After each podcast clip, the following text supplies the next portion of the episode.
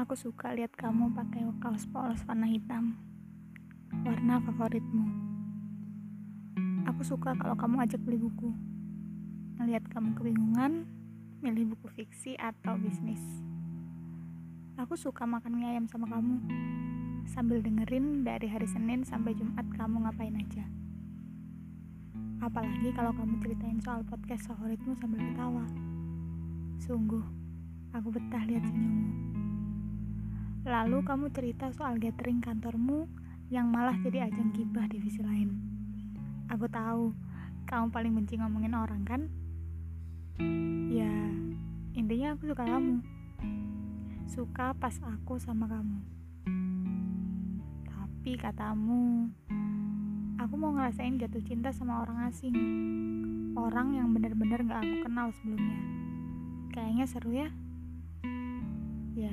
Saat itu aku hanya tertawa dan mengiyakan. Tapi sungguh, hatiku rasanya seperti dipatahkan berkali-kali. Aku berdoa kamu selalu dikelilingi kebaikan.